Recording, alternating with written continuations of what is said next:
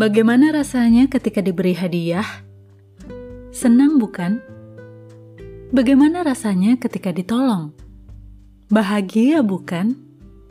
Bagaimana rasanya ditinggal pergi? Sedih bukan? Bagaimana rasanya dikhianati? Sakit bukan? Dan begitu banyak rasa lainnya yang dialami manusia.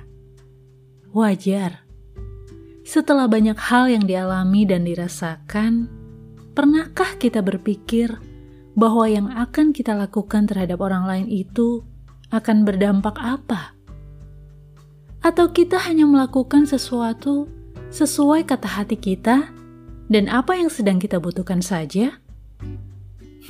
Jika demikian, kita sedang membangun seorang yang penuh ego dan tidak memperlakukan orang lain sebagai manusia